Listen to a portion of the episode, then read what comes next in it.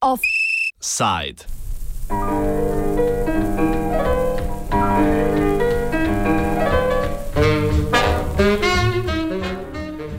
Skoraj da celoten državni zbor je včeraj dahnil usodni da oziroma za Petru Svetini, ki bo tako 23. februarja postal novi varuh človekovih pravic. S predlogom predsednika republike se je strinjalo 89 poslancev, manjkal je le Marko Bandeli. Preden spregovorimo o liku in delu Petra Svetine, doslej specialnega pedagoga, podjetnika in delavca na področju socialnega varstva, najprej prisluhnimo njegovemu razmisleku o konceptu človekovih pravic. So te dane od Boga? So izpeljava človekovega racija in njegove narave ali zgolj konvencija in družbeni konstrukt? Moje razumevanje tega je, da človek, kakršen se rodi, in uh, v bistvu, ko se rodi, to takšen je. In njegove pravice so v bistvu tiste, ki so ne vem, rekel, neke družbeno dogovorjene, sicer, ampak izhajajo iz samega človeka. Jaz vedno rad poudarjam, da izhajamo iz spoštovanja do človeka in so človeka. To ne glede na to, kakšen je, kakšne so njegove psihofizične sposobnosti, kakšne so kakršne druge, druge njegove um, značilnosti, je človek in ima svoje pravice in sam izhajam iz tega. Peter Svetina poudarja dvojno naravo človekovih pravic. Te po njegovem izvirajo iz človeka samega, manifestirajo pa se kot posledica družbenih razmerij in konvencije. Ali glede na zgodovinsko spremenjajočo se vsebino koncepta, dopušča tudi širjenje in oženje pravic v prihodnosti? Uh, na oženje ne bi šel. Uh, sigurno pa z vsakim napredkom, uh, družbenim napredkom, tehnološkim napredkom, se človekove pravice širijo. Ali tiste bazične, osnovne človekove pravice, temeljne pravice in svoboščine pa, moraj, pa ostajajo. In na ožanje človekovih pravic to pa ne pristaja. Vsak režim, vsak uh, uh, družben, družben sistem si ne more zadajati uh, pojmovanja človekovih pravic. In uh, zato pravim, da tiste temeljne iz, te, iz tega izhajamo, iz temeljnih uh, človekovih pravic. Te so, širi se njihov krok skozi napredovanje družbe, uh, ožanje pa, kot sem rekel, smo že v zgodovini videli, da so bile z družbenim konsenzom dogovorjene uh, zožanja človekovih pravic in to pa ni spremljivo. Pri sodobnem pojmovanju pravic ti pogosto trčijo druga ob drugo. Pravice dveh posameznikov ali družbenih skupin se v nekaterih primerjih izključujejo. Kako bi presojal kolizije pravic? Od primera do primera. Uh, jaz uh, se zavedam, da je na uh, inštituciji varuha človekovih pravic uh, močna ekipa. Uh, z njimi se bomo vseh uh, vprašanjih posvetoval in potem sprejel odločitev. Zagotovo je pa najtežja uh, odločitev takrat, ko dve pravici trčite skupaj in uh, jasno je tudi na tej poziciji varuha človekovih pravic, uh, da obem uh, stranem ne, ne moreš ugoditi. Pač srednje poti, ko je ni, je pač ni. Peter Svetina, novo izvoljeni varuh človekovih pravic, prioritetnih področji ne želi izpostavljati. Meni, da bi s tem, ko bi dal prednost eni zadevi, avtomatično zmanjšal vrednost drugim. Obenem priznava, da je dolgoletno delo na področju socialnega varstva v njem pustilo določeno afiniteto do robnih skupin. Jaz se, sem večkrat podaril, ne zgolj na predstavitvi, da je eh, bi bilo neodgovorno, če bi, se, um, če bi rekel, da je eno izmed priori, eh, področji prioritetno, ker bi s tem uh, že a priori neko drugo področje postavil v uh, uh, ozadje oziroma kot neprioritetno. Uh, vsa vprašanja, ki jih uh, se tiče varovanja človekovih pravic, so pomembna in vsa so prioritetna. Uh, zagotovo pa iz moje dosedanje življenjske poti in poklicne poti uh, imam večjo afiniteto do ranljivih ciljnih skupin, uh, kar pa ne izključuje tega, da uh, verjamem v to, uh, da so ima vsak posameznik človekove pravice in da jih moramo ščititi. Zato se pravi, afiniteta je gotovo na tej strani, uh, kar pa ne pomeni, da je prioriteta. Posvetimo se dosedanji karieri izvoljenega varuha. Rodil se je 6. aprila 1965. Leta 1989 je na Pedagoški akademiji pridobil strokovni naslov specialni pedagog za duševno prizadete. Po strokovnih izpitih je leta 2005 končal tudi šolo za direktorja v socialnem varstvu.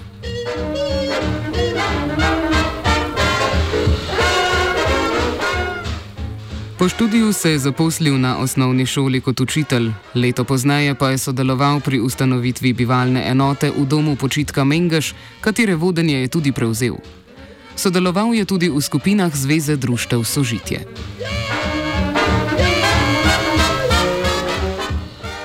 Nekaj let je deloval pri organizaciji Lebenshilfe na avstrijskem Koroškem. Maja 1995 se je kot vzgojitelj zaposlil v slovenskem šolskem društvu Celovec.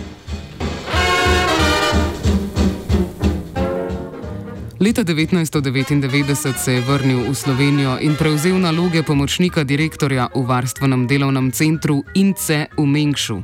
Na to pa je bil decembra 2003 imenovan za direktorja. Bil je član in na to predsednik izvršnega odbora skupnosti varstveno-delovnih centrov.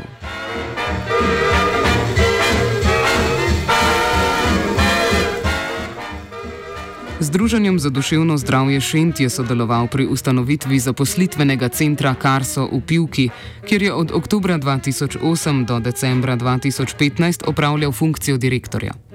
V obdobju od 2013 do 2018 je bil član sveta Fundacije invalidskih in humanitarnih organizacij.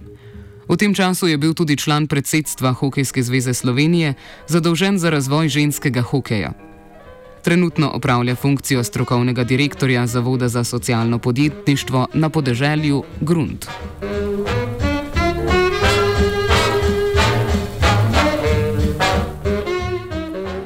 V svoji predstavitvi pri predsedniku Borutu Pahorju je izpostavil, da si želi več sodelovanja s stroko in civilno družbo. Ta ga je ne na zadnje Pahorju tudi predlagala v imenovanje. Pod njegovo kandidaturo sta se podpisala Nacionalno združenje za kakovost življenja Ozara Slovenija in Center Korak za osebe s pridobljeno možgansko poškodbo. Razloge za to potezo predstavi Bogdan Dobnik, predsednik Ozara Slovenija. Petr Svetina um, je zagotovo pravi kandidat za to pomembno funkcijo, uh, pa pustimo ob strani uh, njegove značajske in karakterne lasnosti uh, in povemo, da ima Petr dolgoletno torej kariero, profesionalno preteklost na področju dela s ranljivimi ciljnimi skupinami, tako z mladostniki, kot tudi z odraslimi.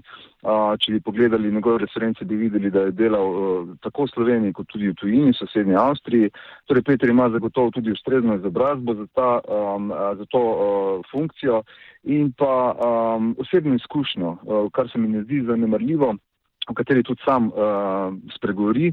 Uh, tako da to troje zagotovo uh, nas je pripričalo to, da smo se brez pomisleka odločili in predlagali predsedniku republiko, uh, republike uh, njegovo imenovanje. Je pa Petra Svetino pot zanesla tudi v politično-funkcionarske vode. Med letoma 2007 in 2008 je opravljal delo svetovalca v kabinetu ministra za okolje in prostor. Takrat je ta funkcija v prvi Janševi vladi pripadala predsedniku Slovenske ljudske stranke Janezu Podobniku, ki ima na Petra Svetino lepe spomine.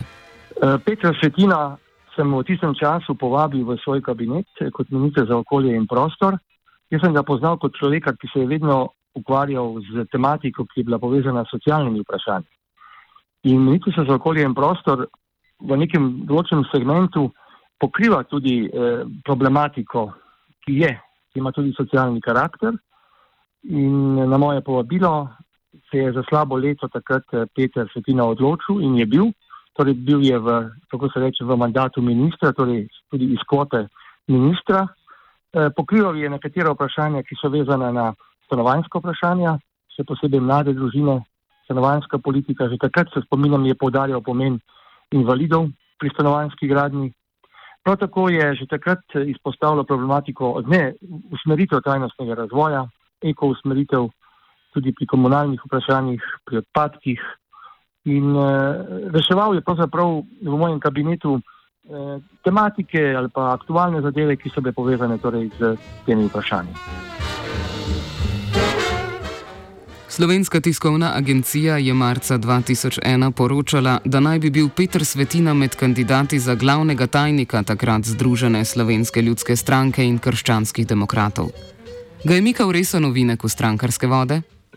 Ne, ne. Ja, to, to je bila pa ena, uh, rekel, neka novinarska, uh, novinarski uh, v delu je bilo, se mi zdi takrat. In sem bil čisto presenečen, ko sem to prebral. Nisem kandidiral in nikoli nisem imel namena kandidirati za glavnega tajnika. Bil sem pa član Slovenske ljudske stranke in sem tudi enkrat kandidiral na volitvah za Slovensko ljudsko stranko. Potem smo se pa razšli, uh, ker smo imeli različne poglede na uh, družinsko, uh, družinski zakonik in uh, različne vprašanja, kar se tiče socialnega varstva. Svetina trdi, da je iz SLS-a izstopil zaradi nestrinjanja s politiko stranke do družinskega zakonika. Gre za zakon, ki je leta 2012 padel na referendumu in je med drugim predvideval, da eden izmed partnerjev v istospolni partnerski zvezi lahko posvoji partnerjevega biološkega otroka. SLS je zakonu nasprotoval.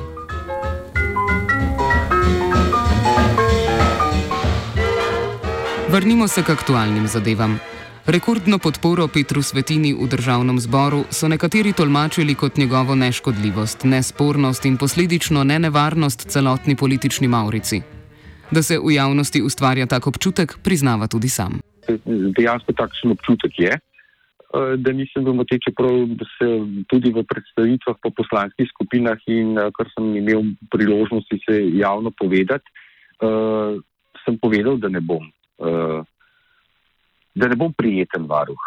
Um, tudi na poslanskih skupinah moram reči, da sem uh, izpostavil, da je zelo težko se pogovarjati s tistimi ljudmi, ki odločajo o tvoji usodi, uh, v tem primeru kandidaturi, uh, in jim uh, povedati, da jim boš dihal za vratnik, če lahko tako rečeva. Uh, ampak očitno to, so poslanci to sprejeli kot pozitivno in še enkrat obljubim, da bom kot mi je šlo takrat pri predstavitvi predsednika, tečen. In bom stal za tem, kar zastopam, in uh, verjamem pa, da je ta uh, podpora poslancev tudi nek političen kapital, da so oni pripravljeni uh, tudi prisluhniti varuhu in spremeniti uh, stvari na boljše. Formalno pravno sta najmočnejši orožji varoha človekovih pravic ustavna pritožba zoper nespoštovanje človekovih pravic v sodnem postopku in zahteva za presojo ustavnosti. Trenutna nosilka funkcije varoha človekovih pravic Vlasta Nussdorfer je ustavnemu sodišču v presojo poslala dva produkta oblastne histerije: zakon o obrambi in zakon o tujcih. Kako novo izvoljeni varuh gleda na morebitno neustavnost omenjenih aktov? Z, mojim, z nastopom mojega mandata, kot ste rekli, ko bo prišel, uh, je kontinu, zagotovo kontinuiteta uh, delovanja varuha človekovih pravic in ni postavljene nekaj novih, uh, novih zgodb. In vsekakor, uh, če je varuhinja uh, precenila, da je tukaj potrebna ustavna uh, presoja, uh, je to uh, zagotovo naredila s premislekom in uh, verjamem, da je to pravilno. Slovenija tako svetino dobiva petega ombudsmana po vrsti. Ali je široka politična podpora znanilo nemotečega varuha ali varuha, ki bo pri svojih opozorilih imel posluh celotne oblasti, pa bo pokazal čas.